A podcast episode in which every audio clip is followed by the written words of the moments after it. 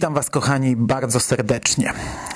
Dzisiaj znów będę mówił o Gwiezdnych Wojnach, ale dość nietypowo, bo nie o zamkniętej serii, a tylko o jednym zeszycie. O początku, o otwarciu serii, choć jest to zeszyt wyjątkowy, bo inicjujący nowy, wielki rozdział w historii odległej galaktyki. O tym, że po niemal 30 latach komiksy z tej serii powrócą do Marvela, wiedzieliśmy już od dawna. W zasadzie było to oczywiste od chwili sprzedaży Lucasfilmu Disneyowi, który jest też właścicielem Marvela. Dawno, dawno temu w odległej galaktyce Marvel wydawał pierwsze komiksy Star Wars, ale potem na bardzo długo trafiły one do stajni Dark Horse. Jednak to nie powrót do domu wzbudził największe kontrowersje wśród fanów, a reset całego rozszerzonego uniwersum. Posunięcie tak bardzo oczywiste, że w zasadzie ciężko uwierzyć, że kogoś zaskoczyło, ale jednak zaskoczyło. Również mówiącego te słowa, czyli mnie. Fani pokrzyczeli sobie przez kilka miesięcy, wyżyli się, wyrzucili co im leżało na sercu i podzielili się po połowie. Na tych, którzy dalej plują jadem we wszystko co od Disneya oraz tych, którzy pogodzili się z tym co nowe i zacierają ręce, czekając na kolejny kanon. Sytuację jakoś specjalnie nie poprawiły pierwsze zapowiedzi od Marvela, który na start przygotował trzy równoległe serie rozgrywające się w okolicach starej trylogii. Darth Vader, Księżniczka Leia i flagowy tytuł Marvela, którego otwarcie dziś bierzemy na ruszt, czyli po prostu Star Wars. I ja oczywiście rozumiem, że starych fanów, fanów, którzy zęby zjedli na rozszerzonym uniwersum, takie zapowiedzi faktycznie bardziej ziębią niż grzeją. No bo to wszystko było już podawane wiele razy, na wiele różnych sposobów, we wszystkich możliwych wariantach i kombinacjach. I teraz dostajemy też tylko powtórkę z rozrywki. I ja jestem w stanie trochę się z tym zgodzić, przy czym uważam, że trzeba być niespełna rozumu, by faktycznie oczekiwać czegoś innego. No nie po to Marvel zrobił sobie czystkę w uniwersum, by teraz pisać o nikomu nieznanych bohaterach, żyjących w bliżej nieokreślonych czasach i nieznanych realiach. Nie po to robili sobie wielkie pole do manewru, by opisywać nowe czasy, nowe wojny, nowe konflikty. No absurd przecież. Oczywistym jest, że najpierw będą mielić klasyczne wątki, potem przejdą do Rebelsów, a potem wystartują z seriami obudowującymi nowe filmy. I już na starcie wyraźnie zaznaczam, że tak, w tym komiksie nie ma niczego, czego byśmy już wielokrotnie nie przerabiali, a pomimo to jest to tak dobre i tak paradoksalnie świeże, że nie pamiętam już kiedy ostatnio czerpałem taką frajdę z czytania komiksu z serii Gwiezdne Wojny. I jeszcze jedna rzecz na starcie. Nie powiem tutaj nic, czego nie przeczytalibyście w internecie. Przed nagraniem na szybko przegooglowałem polskie recenzje tego zeszytu. Trafiłem chyba na trzy czy cztery i wszystkie były bardzo podobne i w zasadzie pokrywały się z moimi odczuciami. I tak na dobrą sprawę mógłbym cały ten monolog zamknąć w jednym zdaniu. Tutaj wszystko zagrało tak jak trzeba.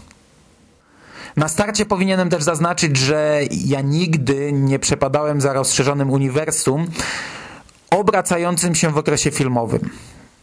Nie wiem, czy trafiałem akurat na słabsze tytuły, czy może zwyczajnie nie obchodzą mnie po prostu historie ze środka, ze z góry nałożonymi ograniczeniami, które z góry wiadomo jak nie mogą się skończyć zarówno w przypadku książek, jak i komiksów, wolę albo odległą przeszłość, albo nieznaną przyszłość.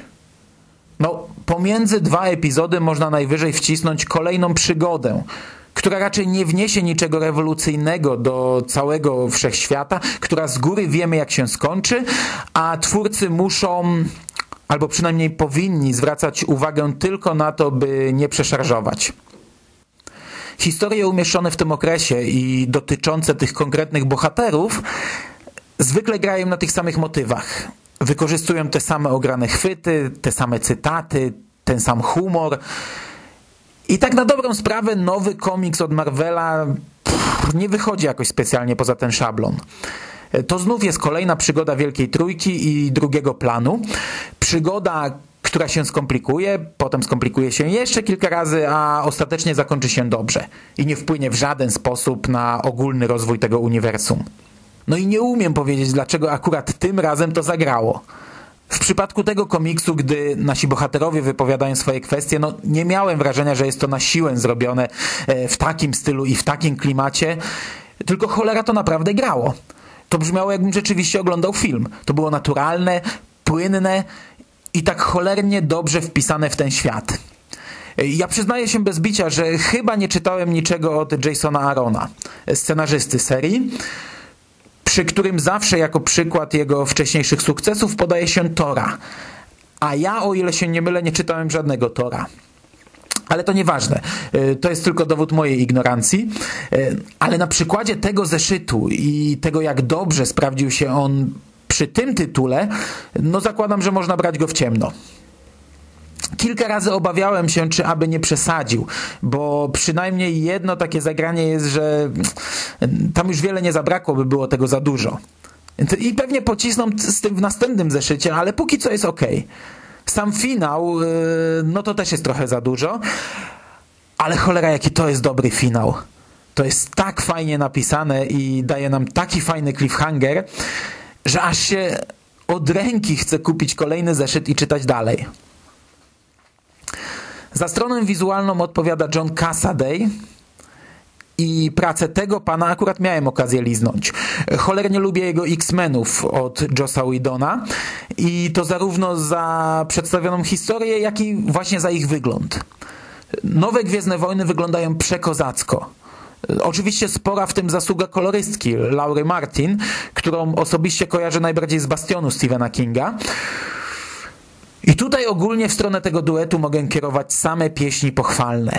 Nie przypominam sobie, Oczywiście to nie znaczy, że takie nie istnieją, ale ja nie przypominam sobie, czy czytałem kiedyś jakiś komiks rozgrywający się w tym okresie i wyglądający tak dobrze. Bohaterowie wyglądają jak wyciągnięci z ekranu telewizora i włożeni w komiksowe kadry. Czyli nie tylko zachowują się tak, jak powinni, mówią tak, jak powinni, ale też wyglądają tak, jak powinni wyglądać. Nie tylko zostali świetnie rozpisani, ale także świetnie narysowani. Cały świat, jaki widzimy wokół, jest też przedstawiony perfekcyjnie. To jest odległa galaktyka. To jest ten klimat, to są te statki, te lokacje, maszyny, rasy i tak dalej. Oczywiście ja cały czas podkreślam, że to jest zwykła, prosta historyjka. Nic odkrywczego i nic, czego byśmy już nie przerabiali.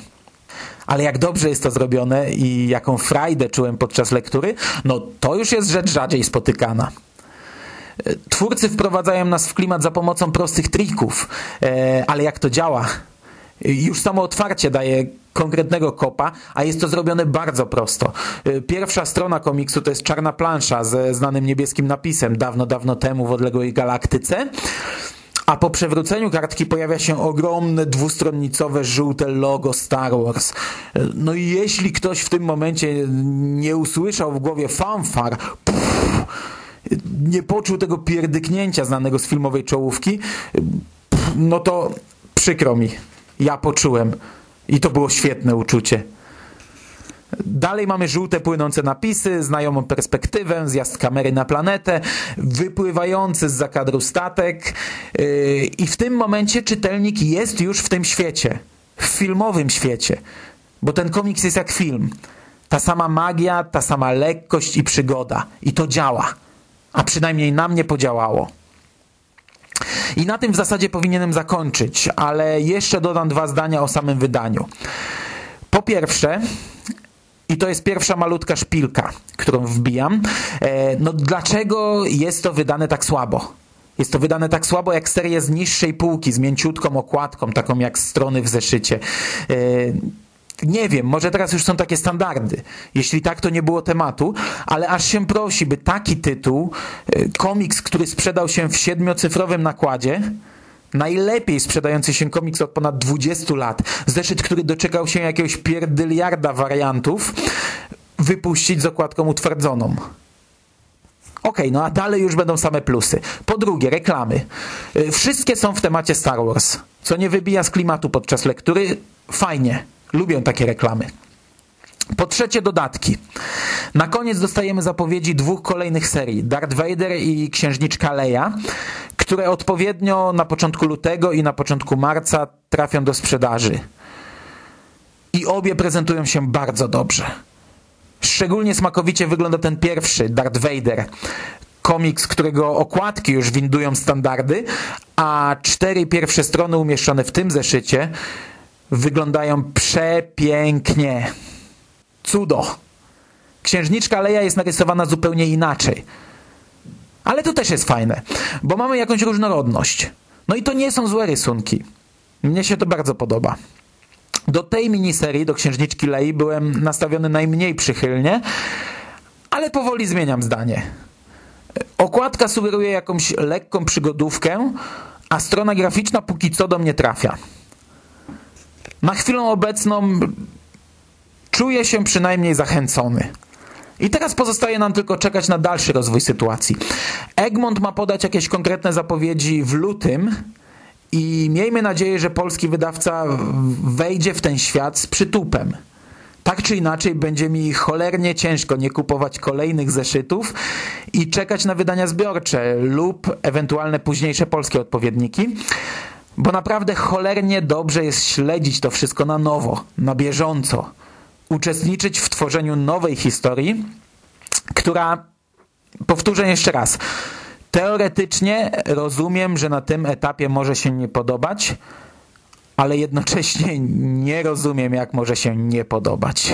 Can you take me home?